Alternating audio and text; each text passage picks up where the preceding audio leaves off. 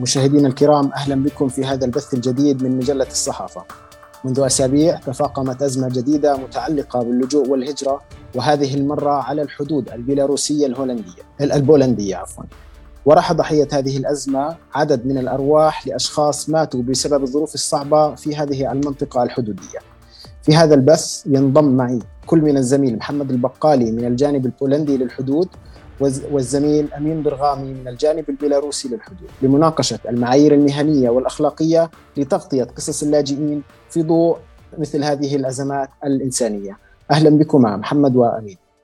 آه، قبل الذهاب للأخلاقيات أود البدء باللوجستيات. في ظل الظرف القاسي آه، والأوضاع المتوترة على الحدود، ما هي أبرز المتطلبات اللوجستية التي تم أخذها بعين الاعتبار قبل التوجه للحدود بالنسبة لك أمين؟ نعم مساء الخير آه، لك وللسادة المتابعين.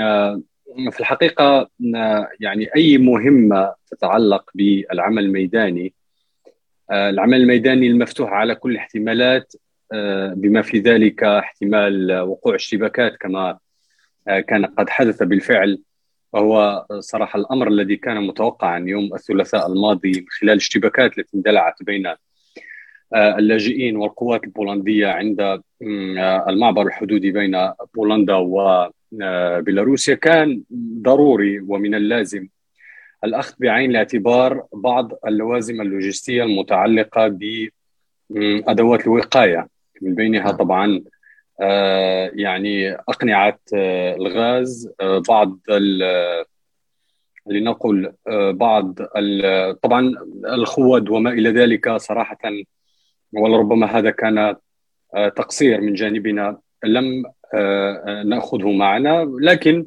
على العموم هذه تبقى من بين الوسائل التي استفدنا منها جيدا وكان من الضروري إحضارها معنا. آه، فيما يتعلق بالعمل كعمل طبعا المنطقة الحدودية كما تعلمون هناك مشاكل في التغطية تغطية الإنترنت آه، لوجود آه، ما يعرف بالرومينج على الحدود بين البلدين وبالتالي واجهتنا مشاكل متعلقة بالتقاط إشارة الإنترنت عالية الجودة وطبعا بعد استشارة بعض الزملاء من قنوات بيلاروسية نصحونا باستخدام كروت روسية. لكن مع تشغيل آه، آلية ال roaming آه، آه، بطبيعة الحال هناك الهواتف هاتف ثريا الذي كان بطبيعة الحال مفيد جدا للبقاء على تواصل سواء مع غرفة الأخبار أو مع باقي الزملاء. هذه هذه في الحقيقة هي الأمور اللوجستية الأهم للتوجه لمثل هذه المناطق التي آه، يعني تعد مناطق حدودية بين دولتين. نعم آه، شكرا آه، أمين محمد أنت في منطقة لا ترغب بولندا أن يصلها أحد سواء صحفيين أو غيرهم فكيف تعاملتم مع الحظر الذي فرضته بولندا على المنطقة الحدودية؟ هو اولا شكرا على الدعوة الكريمة ثم هو تغطية اللاجئين لها خصائص تختلف عن أي تغطية أخرى. وهنا لو سمحت لي أن أذكر بعض الخصائص التي نعم. نجدها فقط في تغطيات اللاجئين. أولا في تغطية اللاجئين الصحفي يتعامل مع فئات هشة وضعيفة بسبب ظروفها التي تعيشها. قد يكون هذا الضعف أصيل أو قد يكون طارئ. حتى لو كانت لديها ظروف جيدة في بلدها ولكن هي الآن تعيش وضع ضعف وهشاشة و... وتحتاج إلى حماية وهي تحتاج هذه الحماية حتى بمقتضيات المواثيق الدولية. كما نعلم 1951 ميثاق المنظمة الدولية للاجئين أو البروتوكول الإضافي ل 1967 يجعل هذه الفئة تحتاج إلى حماية. فأنت تتعامل مع فئة في حالة ضعف وتحتاج إلى حماية وهذا يعني تعامل خاص. ثم نعم. إن مسألة تغطية اللاجئين ربما هي التغطية الوحيدة أو من القلائل ربما أيضا تغطية الحروب التي يختلط فيها العمل المهني بالعمل الإنساني فأنت لا تعرف أحيانا هل يجب آه، يجب أن تقوم بالعمل المهني بما يجب بما هو مطلوب منك كصحفي ولكن أحيانا أنت إنسان تجد أناس لم يأكلوا منذ أسبوع وقد يطلبون منك الأكل نعم. تجد آه، ناس يطلبون منك مياه للشرب مثلا. نعم. آه، محمد سوف ننتقل إلى هذا الجانب. آه، يعني أود معرفة المشاكل التي واجهتكم عندما حاولت الوصول إلى الحدود خصوصا أن كما ذكرنا أن الجهات أو السلطات البولندية كانت لا ترغب لأي من الصحفيين بالوصول للحدود. فكيف تعاملت مع هذا الموقف عندما وجدت نفسك غير قادر على الوصول إلى المنطقة التي يجب أن يتم تغطية الحدث فيها؟ هو هذا قرار ديال الدولة. أنت لا تتحدى الدولة. أنت تأتي كصحفي تلتزم بقرار الدولة. وإذا لم تلتزم بقرار الدولة التي آه، تفرض هذا القرار فالأمر ببساطة ستجد نفسك إما في السجن أو مطرودا خارج البلد. هذا لا شك في نعم. ذلك. وبالتالي فبولندا وضعت منطقة عازلة آه، تبعد بثلاث كيلومترات عن الحدود آه، لم يكن ممكنا تجاوزها لا بالنسبة للصحفيين ولا بالنسبة للمنظمات الحقوقية ومنظمات الإغاثة. وهذا الأمر فرضته رغم الدعوات التي المتكررة حتى آخر دعوة جاءت من مفوضة حقوق الإنسان التابعة لمجلس أوروبا التي قالت إنه لا يمكن تقديم لا الإغاثة لهؤلاء اللاجئين ولا يمكن أيضا نقل المعلومة الدقيقة والشفافة لأنه المعلومه الصورة على الأقل المعلومة تصل لأنه الآن مع وسائل التواصل الاجتماعي ويعني المعلومة تصل لكن نعم. الصورة كان احتكرتها الدولة في احتكرتها بولندا في هذه التغطية من الجانب البولندي ربما لحسن الحظ أنه من الجانب الآخر كان مفتوحا. تصور معي لو كان من الجانب الآخر من الجانب البيلاروسي مغلق أيضا. لحظتها كانت آه، الصورة ستكون بيد دولتين. آه، تحتكر الصورة وهنا السؤال حول دقة الصورة حول اكتمالها حول بطبيعة الحال في هذه الحالة كان هناك ارتباط اتصال ببعض الجمعيات التي تشتغل في مجال الاغاثه وفي مجال دعم اللاجئين.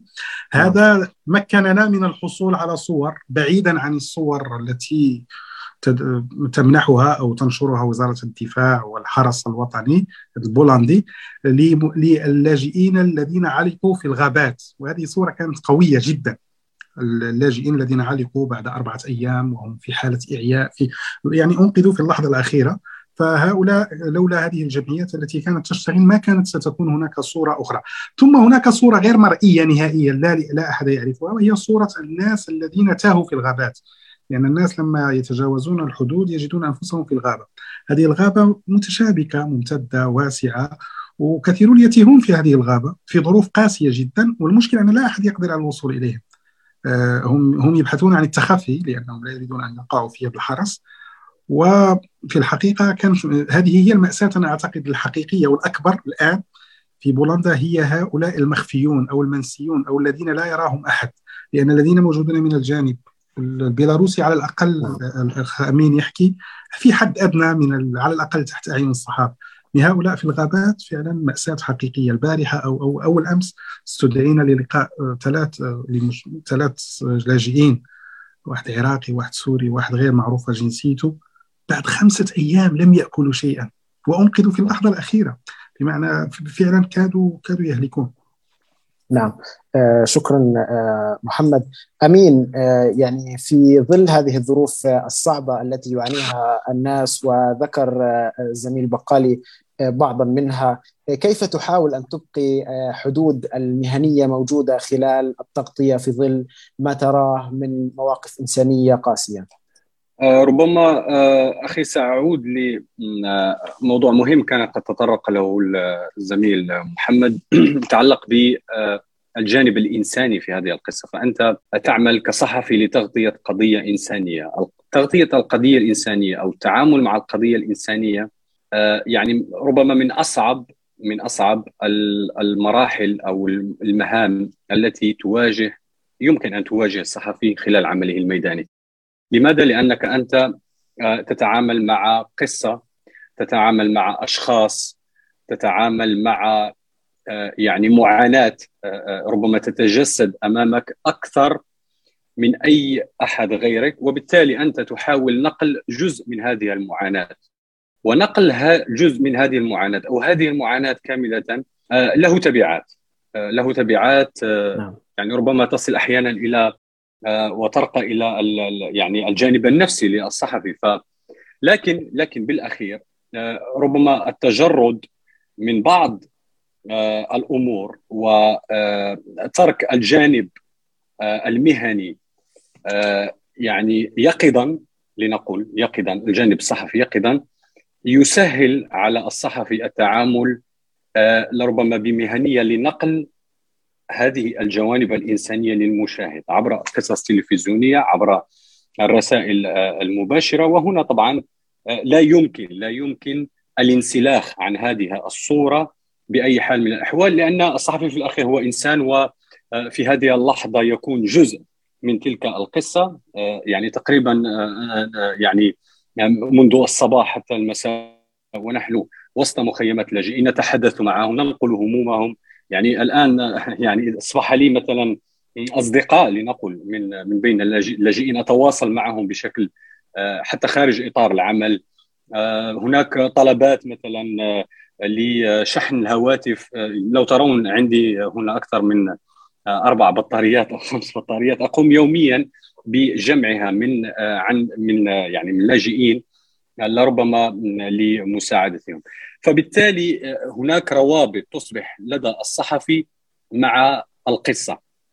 آه هذا طبعا آه ربما يسهل عمل الصحفي بدرجة معينة لأنك أنت أصبحت قريب من هذا الشخص أو هذا البطل بطل القصة بين قوسين ويسهل كذلك التعمق آه، في فهم القضية فهم معاناة هذا اللاجئ ماذا يريد هذا اللاجئ. إلى أين يريد أن يصل هذا اللاجئ وطبعا هذه خصوصية تتميز بها قضية تغطية قضايا اللجوء أو مسائل يعني مواضيع اللجوء عن باقي المواضيع الصحفية. نعم شكرا لك. محمد أنتقل لك. في تقريرك الأخير وقفت أمام قبر لأحد اللاجئين لتروي قصته. والزميل أمين قبل قليل أشار إلى الجانب النفسي للصحفي. فكيف استطعت الموازنة ما بين الحالة النفسية وما بين أن تكون صحفيا قادرا على تقديم قصة متوازنة وفي نفس الوقت متعاطف مع الضحية؟ وهذه هي بين الإشكالات التي تميز تغطية اللاجئين وتغطية الضحايا بشكل عام سواء كانوا لاجئين أو ضحايا حروب أو ضحايا ظواهر طبيعية أو فقر أو اعتداءات أو غير ذلك. فأنت في نهايه المطاف آه، تجد نفسك تقوم في بعمل مهني ولكن هناك الإنسان فيك حاضر بقوة وكما ذكر الزميل آه، آه، امين أنه أحيانا قد يطلب منك مساعدات قد يطلب منك دعم. وأنا هنا يعني في الحقيقة أستحضر تغطية سابقة للاجئين تغطية اللاجئين السوريين عام 2015 كان كنت على اتصال مباشر باللاجئين. فأنت في النهاية تطلب منك بعض ويكون عليك أن تتخذ القرار المناسب في اللحظة المناسبة. مثلا قد يطلب منك أن تقدم الماء. هذا أمر بسيط وواجب. أن تقدم الأكل. واجب إذا كان بإمكانك. ولكن أحيانا قد تجد نفسك مطلوب منك أن تنقل لاجئين يمشون على الأرض يضربون, يضربون في الأرض يعني كيلومترات طويلة متعبون مرهقون. ولكن هناك الإشكال إذا إذا حملتهم معك في السيارة هذا سيسمى تهريب. وستحسب نعم. قانونيا وفق قانون الدولة التي أنك كانك تقوم بتجارة البشر أو تهريب فهناك هذا آه، آه، الحدود ما بين ما ما يمكن القيام به وما لا يمكن ان تقوم به. المسألة الثانية هو كيف توازن ما بين ما هو ما بينه تعاطف وما بينه هو إنساني. هو الحقيقة تغطية اللاجئين وتغطيتها يجب أن تتم بتعاطف، لماذا؟ لأن هذه فئة مستضعفة وضعيفة وهشة. ولكن التعاطف لا يجب أن يكون على حساب الدقة. ولذلك من من بين الإشكالات المطروحه في تغطية اللاجئين هو آه، خلق هذا التوازن المطلوب.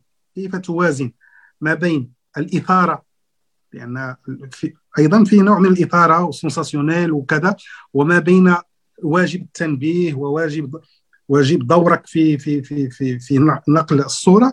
كيف توازن بين التعاطف الإنساني وما بين التوازن ما بين الدعم أنك تقدم الدعم النفسي لهذا اللاجئ وما بين أن آه، آه، تصبح آه، تقدم معلومات غير دقيقة. كل هذا التوازن في الحقيقة الصحفي هو في اختبار يومي في هذه التغطيه كيف يوازن بين هذه الأشياء؟ لأنه ليس باسم التعاطف لا يمكنك لأنك متعاطف مع لاجئ ألا تمحص في روايته. وما هي أبرز يعني النقاط التي تأخذها بعين الاعتبار عندما ترغب بتحقيق هذا التوازن؟ شوف أهم شيء أهم شيء هو هو أن تنضبط للقواعد العامة ولا أقول أن هذا الأمر سهل لأنها ليست رياضيات في نهاية المطاف هي أمور خاضعة للقرار في اللحظة المناسبة والتجربة تلعب فيها دورا نعم. آه، لا, لا, لا يجب المعلومة التي المعلومة التي تحصل عليها من لاجئ يجب أن تتأكد منها من مصدر ثاني الدقة.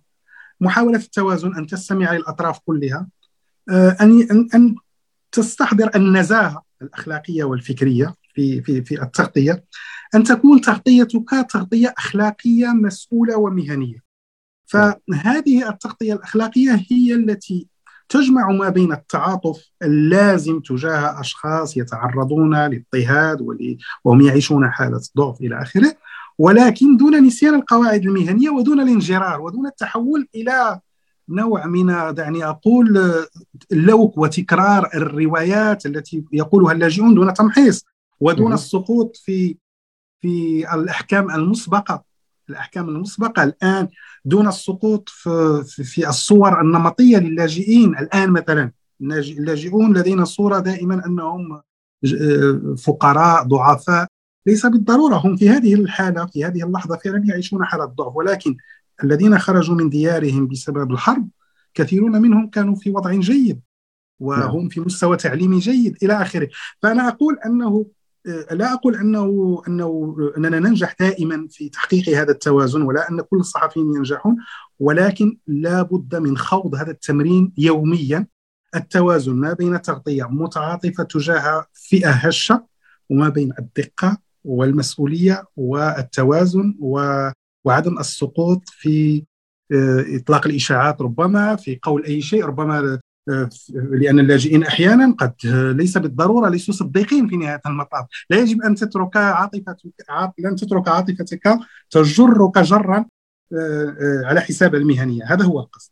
بلا بلا شك. آه، شكرا محمد. أنتقل إلى أمين.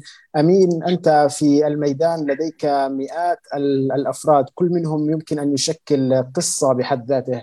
لكن كيف تختار القصة التي تعتبرها أكثر تاثيرا في ظل الظرف الذي أنت فيه؟ ربما هذا يمكن بناؤه على الحالات يعني التقليدية ربما لنقل يعني الحالات تختلف.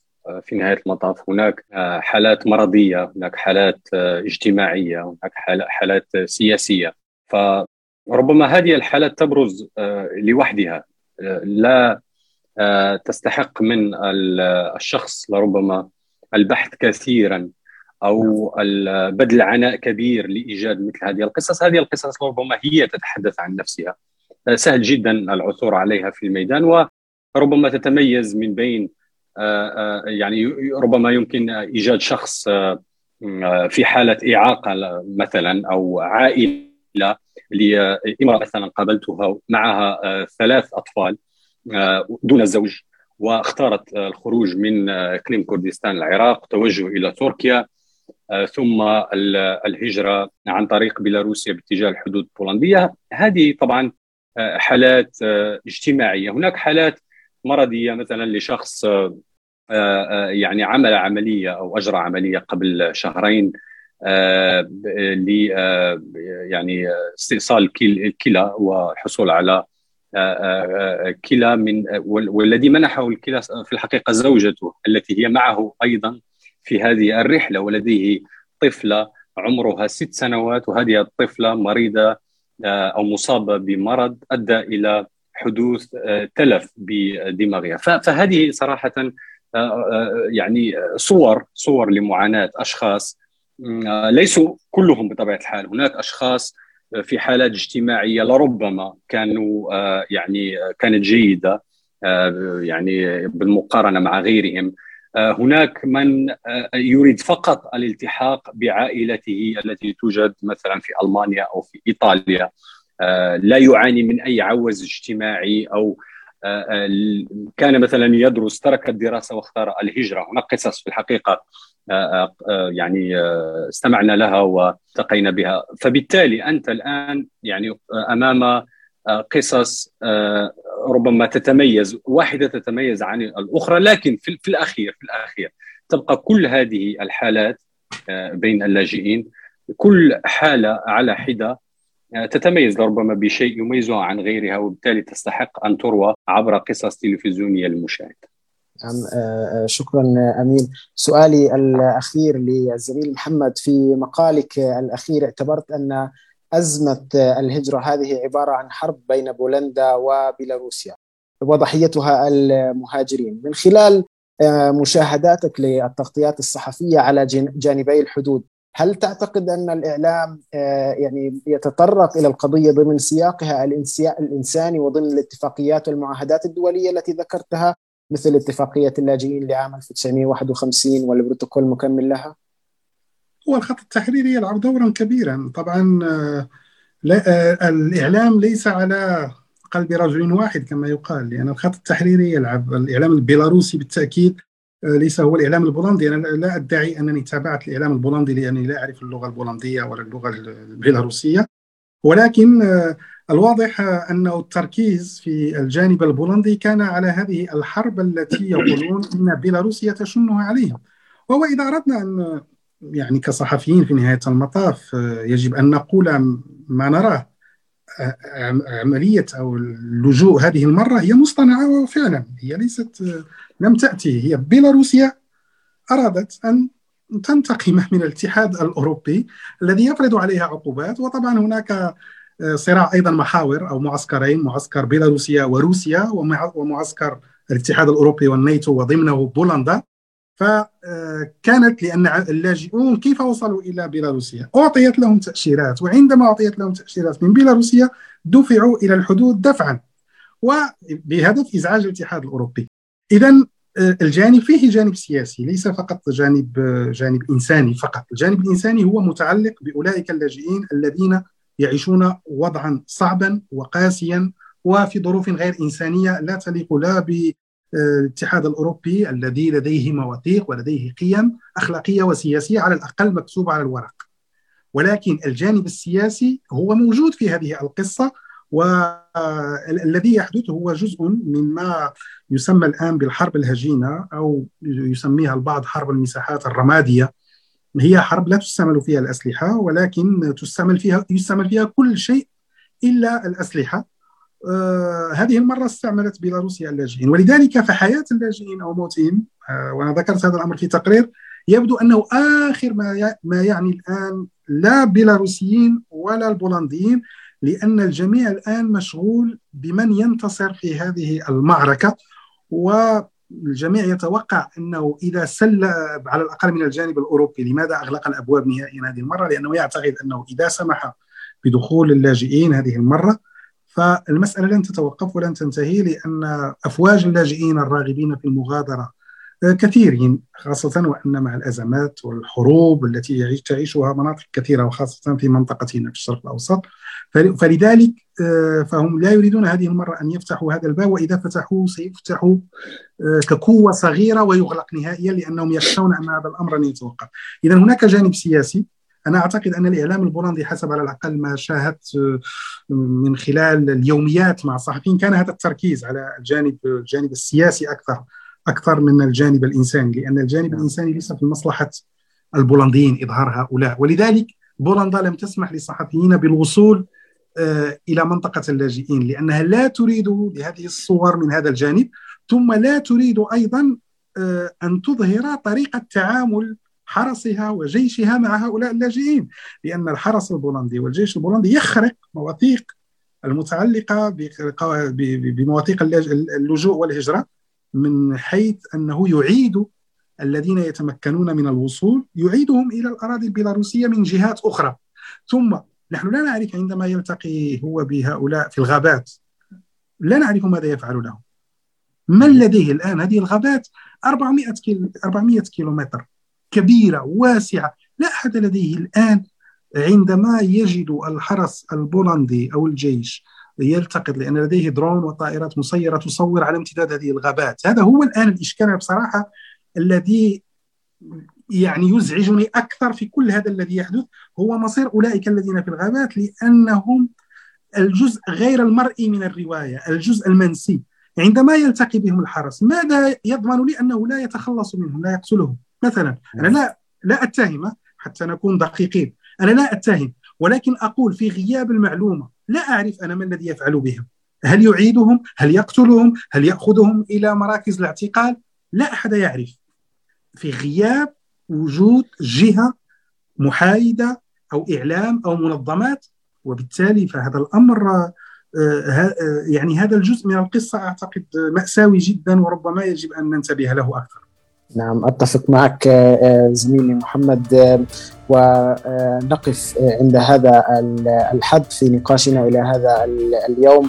أود أن أشكرك مرة أخرى وأشكر الزميل أمين برغامي على الجانب الآخر من آه، الحدود. مشاهدينا كنتم معنا في نقاش تحدثنا فيه عن الأخلاقيات الصحفية والمعايير الأخلاقية لتغطية قضايا اللاجئين في ظل أزمة الحدود البيلاروسية.